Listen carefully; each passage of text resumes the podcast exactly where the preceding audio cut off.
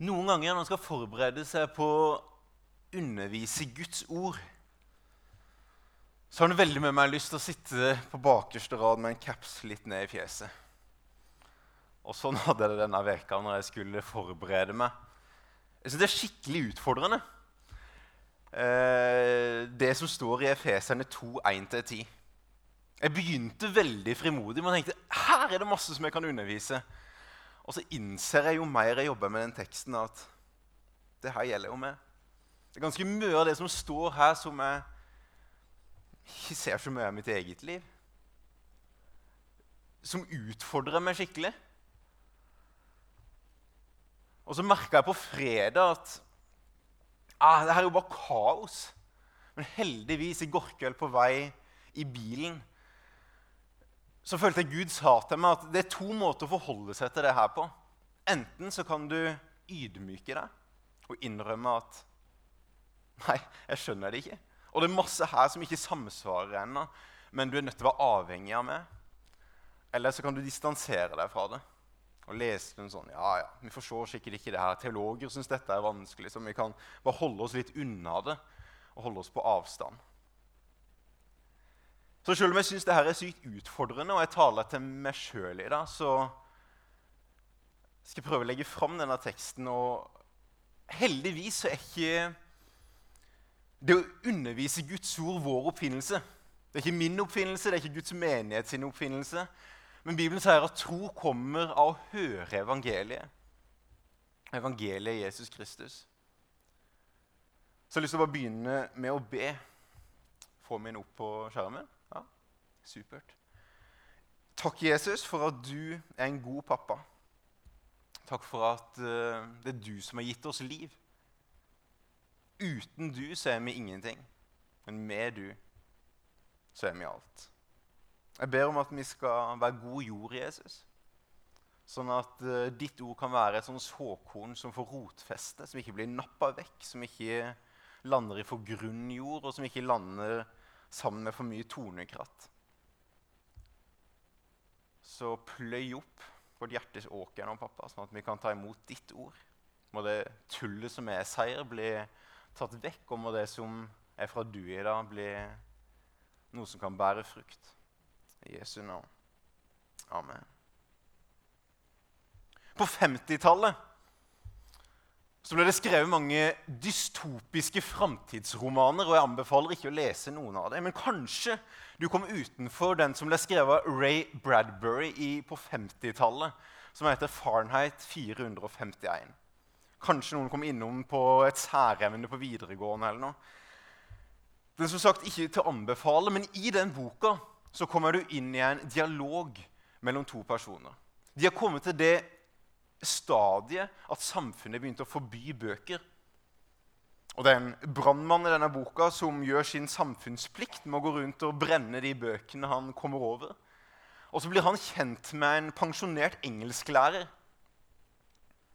Og det har utviklet seg selvfølgelig, og så kommer han inn i en dialog mellom de to personene. Der denne brannmannen begynner å spørre denne engelsklæreren men hvordan kan egentlig bøker utgjøre en trussel for samfunnet. Hvorfor er egentlig staten interessert i å brenne alle bøkene? Så svarer denne pensjonerte engelsklæreren at det er kun hvis den tredje faktoren blir gitt, at bøker kan være farlige. Så spør selvfølgelig brannmannen men, men hva betyr det her. Jo, den første faktoren det er kvaliteten i opplysningene. Den andre faktoren det er folks evne til å fordøye de opplysningene. Og så er den tredje faktoren som er det avgjørende. Og det er retten til å handle på basis av de to første faktorene. Det jeg skal prate om i dag, kan oppsummeres i de tre faktorene. Der jeg tror sannheten om hvem vi er i Kristus, at vi har gått fra døden til livet, de kvalitetene, den sannheten, har høy kvalitet. Det er noe som jeg tror er sant. Og den boka her tror jeg vi kan stå innenfor at det her tror vi på. Og så ser vi kristne litt annerledes på det. Vi ser at Den hellige ånd må åpenbare sannheten for oss. Vi trenger å fordøye det med at Den hellige ånd inspirerer oss og viser oss det. Og så er den tredje faktoren det at vår rett til å handle på basis av de to første. Og hvis den her står fast, så kanskje det møtepunktet her kan være en plass for å åpne opp for øynene, for å kunne fordøye informasjonen. Og så står dere igjen på den tredje faktoren som avgjør om det å komme i kirka, komme i menigheten her, har en effekt for oss. Om, om det er med å påvirke oss, og om det er med å påvirke folk rundt oss. Om vi begynner å se åssen kan det her se ut i livet vårt.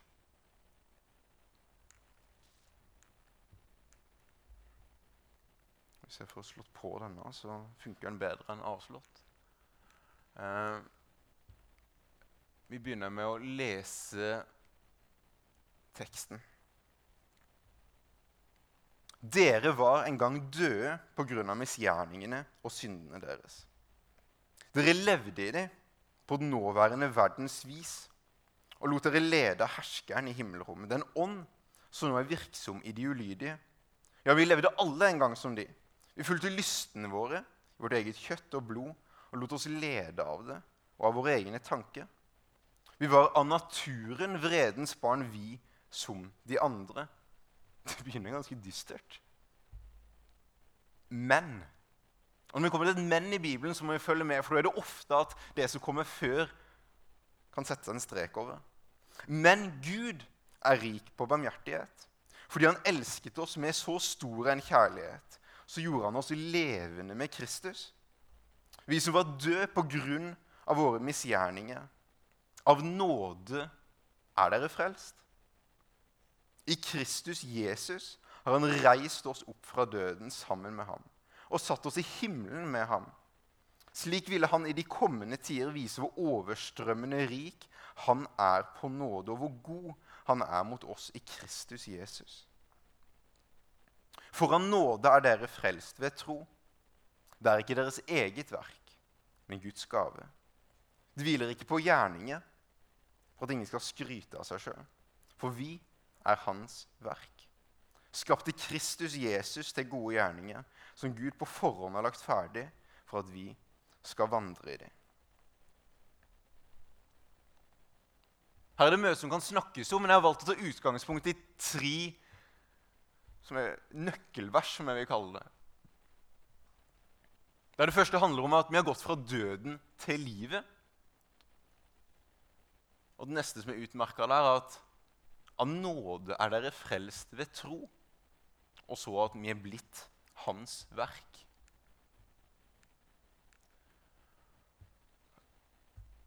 Og bare det første verset her gir oss noen store, store utfordringer.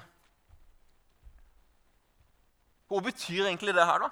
At han har reist oss opp fra døden sammen med han, og så satt oss i himmelen sammen med han. Vår, eh, vårt verdensbilde tror jeg gjør det her ganske utfordrende. For vi har gjerne en tankegang om at ok, dette er livet vi lever på jorda.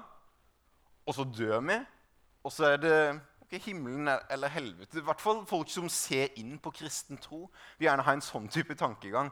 Og gjerne de som kanskje observerer litt utenfra og lurer på det her er for noe. Så handler det kanskje om hvis du er på plussida og så er det litt på minussida ut fra om du er god eller dårlig.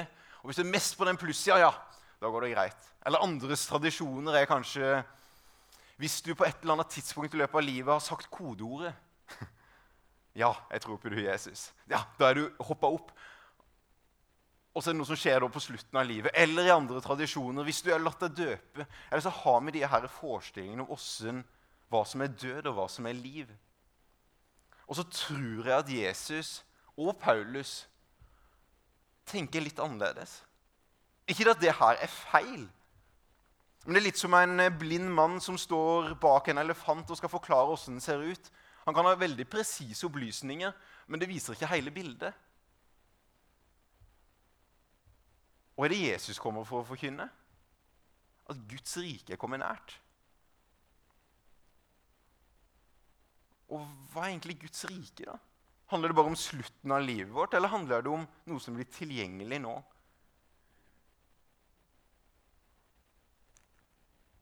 Jeg tror Jesus sitt verdensbilde ser litt annerledes ut. Åssen er det Bibelen begynner? Begynner det med at Gud skapte himmel og helvete og jord. Og så var målet at vi bare skulle komme over når vi, når vi døde. Eller skapte Gud egentlig en himmel og en jord som var forent i Edens hage? Var ikke det som var planen? At vi skulle leve sammen med Gud, at Guds rike og vårt rike skulle være det samme. Men så deltes de her pga. synden kunne ikke være der Gud er, for Gud tåler ikke synd. Syndens lønn er døden. Så de her rikene ble separert. Og så har det alltid vært Guds plan gjennom historien at de her skulle forenes igjen. Og så ser vi spor av det i Gammeltestamentet, med tempelet som blir satt opp, der både Gud kunne være og menneskene kunne være samtidig. Der Gud kunne møte mennesket. Men det var aldri det som var den, var den evige hensikten. Hensikten var at det her skulle forsones. Det her skulle være et bilde på det som kom. Og så ser vi i Johannes evangelium at ordet kom og tok bolig blant oss. Ordet bolig betyr egentlig tempel. Så ble Jesus det tempelet der Gud kunne være 100%, men, være 100% Gud og 100% menneske i én person. 100 menneske for å kunne forsone oss tilbake til Gud, og 100% Gud for at han kunne vise sin kjærlighet til oss. Og så ble Jesus dette tempelet som gikk rundt på jorda, og var dette møtepunktet der himmel og jord kunne forenes igjen. Og forkynne at Guds rike er kommet nært. Og så demonstrerte han det med at syke ble friske, og lamme kunne gå, og at folk sine, fikk syndene sine tilgitt. Men fortsatt så var ikke Guds frelsesplan ferdig. For når Gud hadde en enda bedre plan det var at dette tempelet ikke skulle bare være Jesus, men det skulle være i hver den som tror. Og skulle vi bli sånne templer som skulle gå rundt og kunne være en møteplass mellom at Gud kunne være i oss, og vi kunne være i oss samtidig Det var utenkelig før pga. den syndige naturen som var i oss. Og så ble det mulig pga. Gud. Så det er ikke bare en avslutningsting Paulus prater om her. Det er noe som er nå, og reelt akkurat nå. Og det var det her jeg begynte å streve med. at sånn, ja, men det her er så vanskelig. Åssen forstår vi det her, da? Og Gjennom hele Bibelen så ser vi folks desperate forsøk på å prøve å forstå det. Det er ikke så lett å forstå. Og Jesus presenterte det sjøl i mange forskjellige lignelser. Ok, Det er ikke så lett å gripe, men kanskje det kan se sånn ut. Kanskje det kan se ut som et lite frø som så åssen det er og som blir til det store treet som fuglene kan ta sin bolig. Eller kanskje er det sånn en surdeigen du legger inn litt, og så skjønner du ikke helt åssen det skjer. På en eller annen måte så utvides det. Hva er egentlig Guds rike?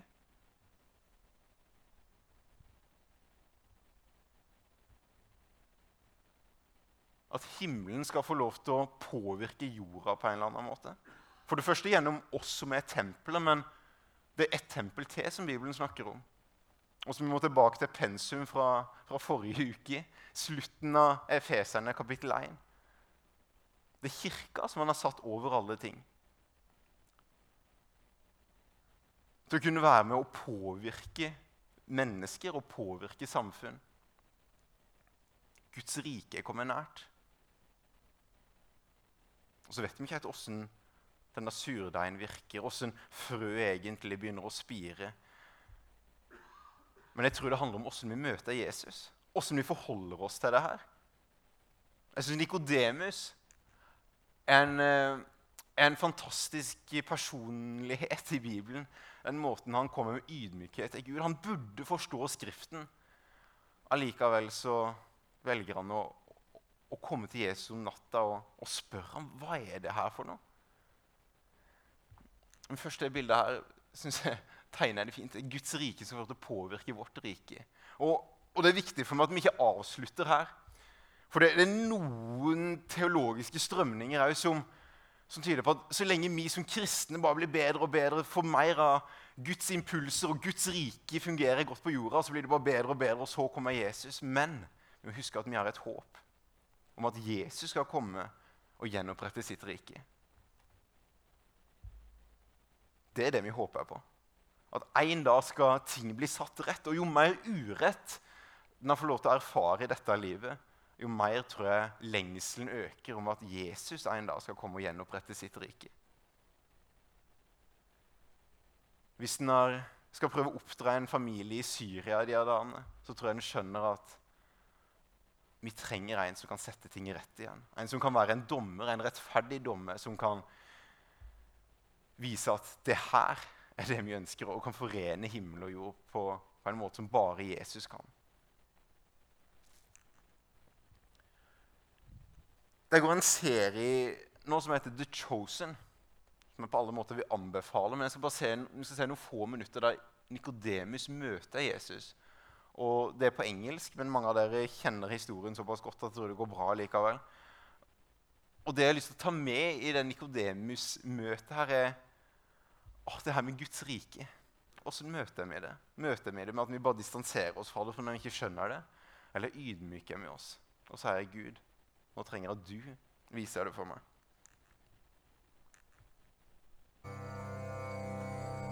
Greier vi å dempe lyset? Welcome, Nicodemus. Don't be alarmed. He's waiting for you.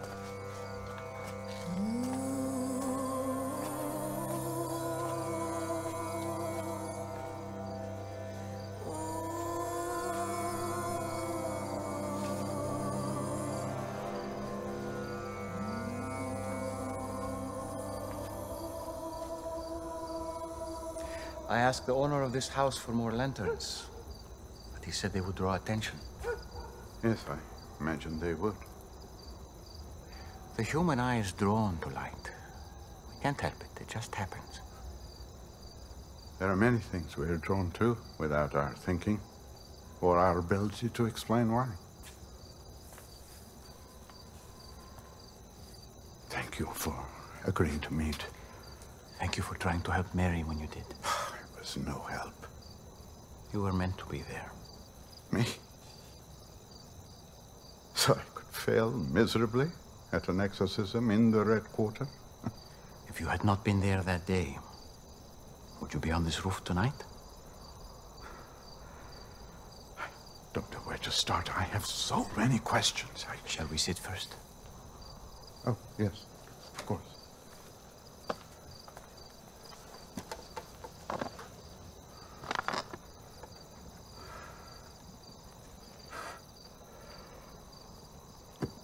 The slums.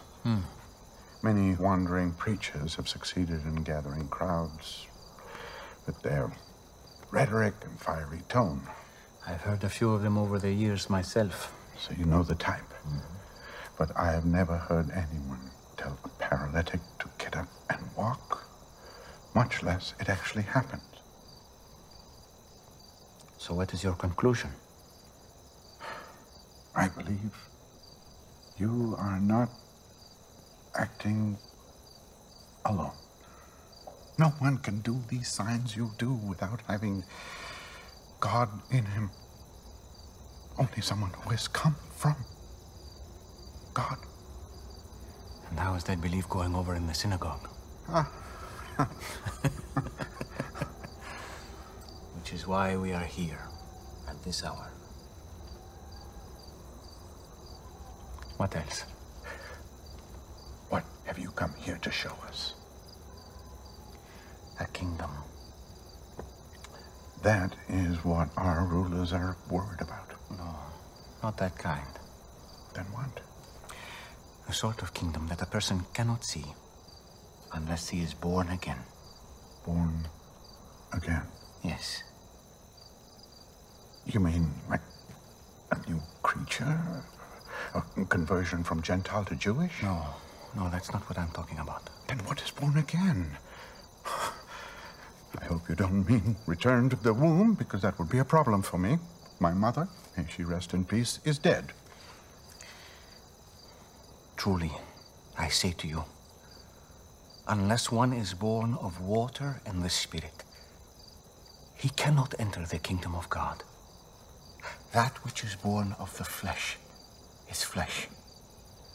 And that which is born of the Spirit is spirit.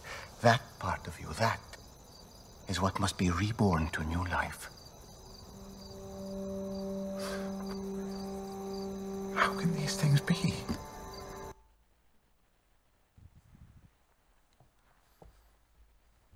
Og Nikodemus sliter med å skjønne. Jeg tror det er det vi òg sliter med å skjønne. Og hva som skjedde med Adam når de valgte synden framfor det Gud sa. Gud sa at 'da må dere dø'. Døde Adam og Eva? Nei. Eller jo. Når Gud sier at de døde, så døde de vel. Men, men hvilken død hadde de? Jo, en åndelig død. Men fortsatt så levde de jo mange hundre år før de hadde en fysisk død. Og så kommer det her sinnssykt vanskelige, kanskje teoretiske for mange. Ok, men hvis, da, hvis det som Paulus stemmer, sier stemmer her, at vi var døde, men nå er blitt levende Så åssen skjer den prosessen? Nikodemus skjønner ikke hvordan han kan komme inn i magen til mammaen sin. Dere var døde, men er blitt levende. Så sier Jesus at det er bare den som blir født av ånd og av vann, som kan komme inn i Guds rike. Det er noe med en åndelig fornyelse som vi ikke kan se. Om det begynner å blåse en vind her inne, så kan vi kjenne effekten av den. Men vi vet ikke helt hvor den kommer fra, og vi skjønner ikke helt åssen det skjer. Kanskje er det litt på samme måte. Når vi vender oss om til Jesus, så skjer det faktisk da en reell forandring inni oss. En reell, reell åndelig forandring. Og det her skjønner vi ikke, men allikevel så tror jeg vi skal spørre Gud om å ah, la oss skjønne det. Sånn at vi kan begynne morgenen med å tenke ja, jeg er faktisk en ny skapning. Jeg har bytta borgerrett. Jeg var borger av denne verden, men er nå blitt borger av Guds rike. Jeg var en synder, men har nå fått nåde. Jeg var en som ikke hadde plass i det nye riket, men har nå fått en anledning til å være i evigheten med Gud. Det er blitt tilgjengelig og skal en dag komme fullt ut. Vi var døde, men er blitt levende igjen. Det gamle mennesket er dødt. Og så er det nye mennesket er det vi skal få lov til å ikle oss. Og så er det her vi vanskeligheten med å Jeg i hvert fall ja, men jeg kjenner jo igjen mange av de døde tinga som fortsatt er litt sånn levende i meg. De tinga som burde ligge i graven, og som sikkert lukter vondt allerede. Som jeg av og til løfter litt på. Og så tror jeg Nikodemus lærer oss mye. Åssen vi kommer til Jesus? For det møtet med Jesus er det som forandrer oss. Og så har vi de her eh, neste orda som kommer. Av nåde er dere frelst med tro. Det er mye kirkeord som er vanskelig å putte innhold i. Og hva er nåde, og hva er egentlig frelse, og hva er tro? da? Hva er nåde? Ordforklaringen ville sagt at det er noe som du får uten at du fortjener det. Og En god oppsummering av ordet nåde syns jeg Paul Grønseth har i sangen sin 'Nåde'. Og han er, lov, er tidligere lovsangsleder i United i Oslo. og Han fortalte før han sang den sangen en gang at når han spilte inn den plata, så hadde han kontakt med Kongens slott. For han ønska at kong Harald skulle begynne med et sitat før den sangen begynte. Der kong Harald skulle spørre hva er egentlig nåde? Som vi. Nåde er din kraft du gir, så jeg kan følge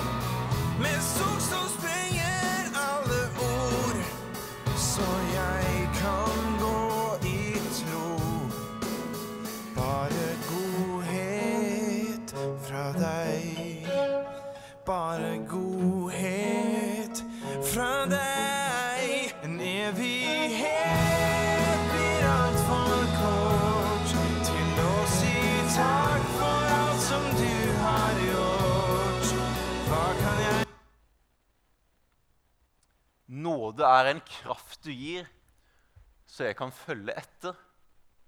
For det er to grunnleggende problemer med oss mennesker. Det er at vi er grunnleggende religiøse, og at vi er grunnleggende syndige. Vi ønsker alltid å prøve å gjøre noe som gjør oss fortjent til Gud. Bygge opp et eller annet sånn ah, Hvis jeg bare gjør det her, eller hvis jeg finner mine metoder å gjøre ting på, sånn at jeg kan føle at jeg tar sjekk på nok bokser, sånn at det er innenfor. Og så er vi grunnleggende syndige. Vi tenker ja, Gud sier det, men jeg har veldig lyst til å ha siste ordet i det spørsmålet der. Jeg har veldig lyst til å ha min egen mening. Jeg har veldig lyst til å Åh, Jeg vet egentlig hva som er best sjøl. Og hva er da nåde? Det er den kraften som Gud gir.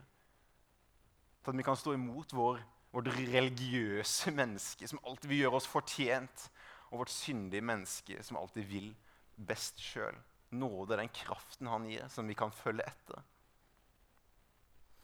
Og så er det en eh, mann her oppe, Charles Spurgeon, som var eh, kanskje litt sånn høvdingen i baptistbevegelsen på midten av 1800-tallet. Og jeg synes Han sier noe bra når det kommer til det med tro. Dere må slutte å putte troa deres på ting dere sjøl kan gjøre. Slutt å putte troa deres på dåpen deres, på omvendelsen deres, på deres egen måte å gjøre ting på. Dere må putte troa deres på Han som er deres trygghet. Og det Bibelverset her sier at av nåde er dere frelst ved tro. Det er altså troen vår som gjør et eller annet. Men, men hvor mye tro trenger vi, da? Hvis du har vært ute og flydd, så vet du at det er forskjellige mennesker på det flyet. Det er noen med veldig flyskrekk, som sitter er veldig anspent. Og så er det noen som har gjort det her altfor mange ganger og ikke bryr seg i det hele tatt. Og hva skal til for at begge kommer fram til destinasjonen som de ønsker? Har det noe å si hvor stor tro de har på om de kommer fram eller ikke? Eller hvor stor tro de har Nei, det handler jo om hvor godt flyet er. er det ikke det? Det du trenger nok tro for, er å sette deg om bord. Og så putter du troen din på det som faktisk holder. Det er Noen ganger vi putter troa vår på alt mulig annet rundt oss. Så trenger vi å putte den på Han, som vi kan stole på. Og det vi trenger nok tro til, er å klatre om bord, følge etter. Og ser vi da på det tredje nødvendige. da. Hvis Guds rikes realitet for oss er det som vi putter inn som sannheten om hvem vi er, er kvaliteten i opplysningene og den nåden som han gir, det er Guds kraft åpenbare det her for oss, sånn at det kan bli liv i oss, så trenger vi å forene de to her. Og det står der at vi er hans verk, skapt i Kristus Jesus til gode gjerninger som Gud på forhånd har lagt ferdig for at vi skal vandre i det. Og jeg kan selvfølgelig få et litt sånn anspent forhold. Og det er sikkert fem ting som jeg må gjøre i løpet av dagen som Gud har lagt ferdig for meg, som jeg må komme innom. Og så tror jeg vi kan gå tilbake til vers 2, som står hvordan vi levde på daværende verdens vis. Jo, Da lot vi oss lede av herskeren i himmelrommet. Og hvis det her da er det motsatte, hva er det? Jo, da lar vi oss lede av Jesus. Vi lar oss lede av en annen hersker, en annen type, en annen type kraft. Så kanskje ikke det er et anspent forhold til gjerninger, men kanskje det at vi bare lar oss prege andre, en annen influense. Vi retter blikket vårt mot en annen person, mot noen andre som kan påvirke oss istedenfor oss sjøl og det denne verden sier. Vi er hans verk, skapte Kristus Jesus til gode gjerninger. Vi er hans verk. Og tre jenter som gikk på skolelag i Oppdal opplevde nettopp det her i 2007. Det var de tre jenter som drev skolelaget der oppe. Og Som regel hver uke så hadde de skolelag på onsdagen, og det var de tre jentene som stilte. Men den onsdagen her var annerledes, for det var to gutter fra 10. klasse som var med. For når de hadde hørt at det var kake på slutten. Og De sitter der pliktoppfyllende gjennom hele skolelaget. Og På slutten av skolelaget så er det han ene av de som reiser seg så sier han, 'Jeg har så vondt i hodet. Kan ikke en av dere tre be for meg?' Og De hadde aldri bedt for noen. og De fortalte sjøl at sånn, Redselen gikk gjennom kroppen deres, men en av dem var frimodig nok til at de gikk bort. Og, og så la hun hånda på denne gutten og så ba om at hodeverket skulle forsvinne. Og Umiddelbart så forsvant hodeverket på denne gutten. Og Han ble helt sånn fra seg. Han hadde jo ikke trodd at det her skulle skje. Og så ble den personen her den største rekruttereren for dette skolelaget. Så Uka etter så var det 30 stykk, og uka etter det så var det litt over 60 stykk på det skolelaget. Pga. den gutten jeg gikk rundt og fortalte det her til hele skolen. At den guden som de jentene der trodde på, det fungerte. Vi er hans verk. Det er noen ganger vi trenger å komme til enden av oss sjøl.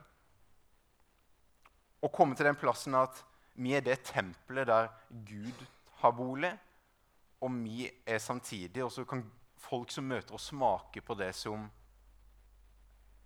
er i det tempelet, som er Gud. Kolosserne 1,27 sier at det her er mysteriet. Det er Kristus i dere, håp om herlighet. Det er ganske mange mennesker i denne verden som har et håp om et eller annet mer, om, om en eller annen fred, om en eller annen At det skal være godt til slutt. Det håpet bor i oss. Det er bare av og til at vi må ydmyke oss sjøl.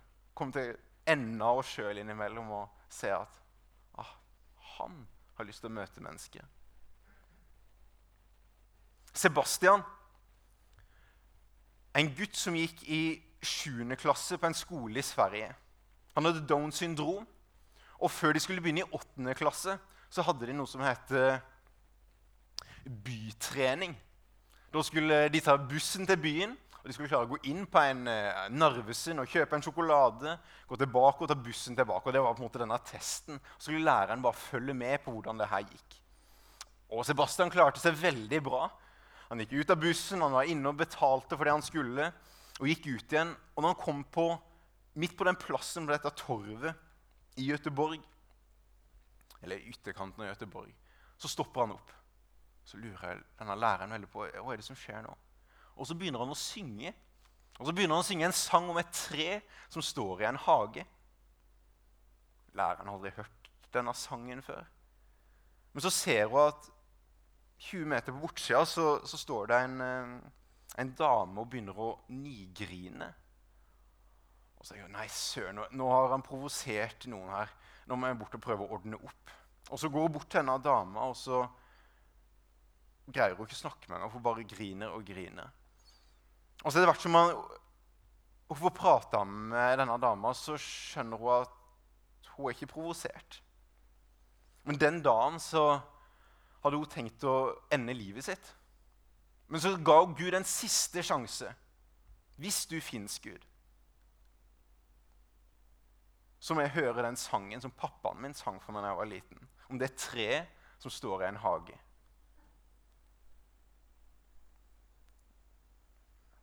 Og så er dette en gutt som vi som samfunn ikke prioriterer, men som velger å stoppe opp når Den hellige ånd sier noe til ham. Og være hans verk.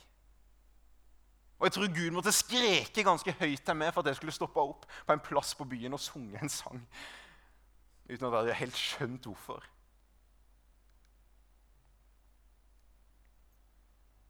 Men han lot seg lede av noe annet enn bare sin egen forståelse og det denne verden kan si. Og så er det noe med Når vi ydmyker oss for å bli hans verk, og han kan virke gjennom oss, så er det noe som skjer. Og Jesus skjønte det her. Det kan være jeg tar feil, men jeg har i hvert fall ikke sett noen historier i Bibelen der Jesus påvirker mennesker, der han ikke først viser det grenseløs godhet. På en eller annen måte så viser han dem handling først. Han demonstrerer først Guds rike, og så åpner de seg opp for evangeliet. Enten at han prater til noen som ikke burde blitt prata med.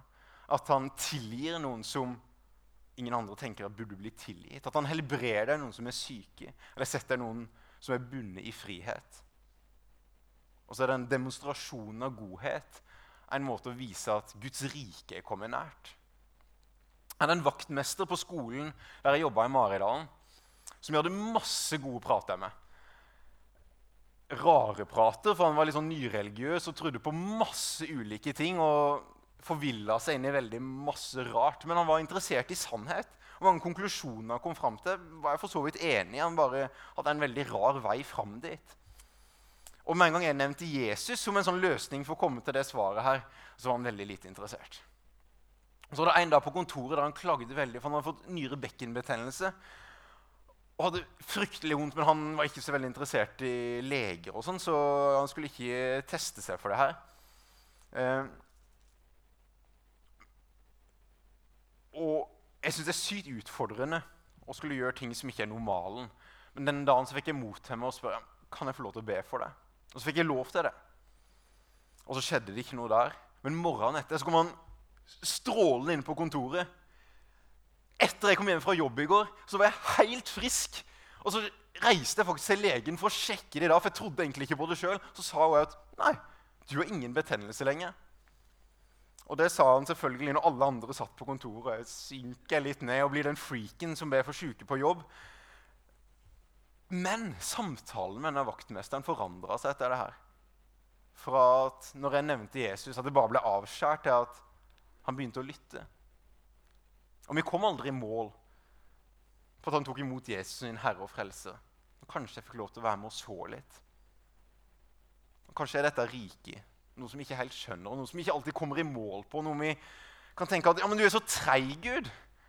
Og på noen ting så Oi, skal jeg gjøre det nå? Der det går altfor fort for oss. Vi trenger å lære oss å, å danse med Gud. Og forstå litt åssen det her fungerer. Men jeg tror det begynner med at vi må forstå at kvaliteten, sannheten, er at vi er et nytt menneske. Det er sannheten om hvem vi er. Vi er satt fri. Ja, Guds rike skal komme, men det er nå òg. Og det er på innsida av oss. Vi er borgere av en ny himmel og en ny jord. Og så må vi la Guds nåde være den kraften som gjør at vi kan vandre etter. For det greier vi ikke sjøl. Og når vi da ydmyker oss i den nåden, så kan vi få lov til å la det tredje nødvendige, det tredje punktet som forener de to første, være det som kan skape forandring i oss og forandring i folk rundt oss. Vi skal avslutte med en sang så dere som av lovsang kan komme opp. Som jeg har et litt sånn spesielt forhold til pga. jeg og min mormor sang den sammen. Og I begynnelsen sang vi den sammen, og på slutten så sang som regel den for henne. Og den siste gangen jeg sang den for henne, så var det veldig spesielt. Og både jeg og hun satt med tårer i øynene på slutten. Og sangen er 'Jeg har en venn som har gitt sitt liv'. Og, og, det som jeg tror ble så reelt for oss den siste gangen, var at nå skulle hun snart hjem og møte den vennen. Mens for min del så hadde jeg et helt liv foran meg der jeg skulle bli kjent med den vennen. Og når vi synger nå, så blir vi gjerne med og synger gjerne som en sånn bekreftelsessang. For Kanskje er det her noe som du ikke har tatt et skikkelig valg på ennå. Når Gud kom med livet vårt i gave, så er det bare én reell respons. Og det er å snu oss 180 grader rundt og ta imot den gaven med takknemlighet. Kanskje kan denne sangen her være en sånn innbydelse for deg på å gjøre det for første gang. For mange av oss andre, med inkludert, så trenger jeg på nytt snu meg rundt og si at ja, jeg tar imot den gaven. Jeg har lyst til at den vennen skal være min venn. Ikke bare på et sånn teoretisk forhold, men at nåden skal hjelpe meg. Være den kraften som gjør at jeg kan gå inn i den relasjonen med frimodighet. Og så Kanskje vi kan synge den som at det er ikke bare en sang som skjer på slutten av livet, men denne relasjonen. At vi har gått fra døden til livet, er noe som er realiteten for oss. Kanskje i dag, kanskje det var for 20 år siden. Men vi er blitt levende. Vi har bytta borgerrett blitt borgere av denne verden. Og Jeg har sagt det før, men jeg synes det er så flott at det er noen historier fra den første kirke der de, de feirer ikke bursdagen sin. Men de feira den dagen de vendte seg om til Gud, lot seg døpe og ga livet sitt til Jesus. For da vet de at da ble jeg borgere av et nytt rike. Hans medborgere. Jeg fikk en ny pappa i himmelen. Jeg ble født på ny inn i en ny familie. Og så trenger vi kanskje å innse at et nyfødt barn de trenger noe greier i starten. De trenger relasjoner, de trenger kjærlighet, de trenger omsorg. Vi er nødt til å ha noen tilknyttelsespunkter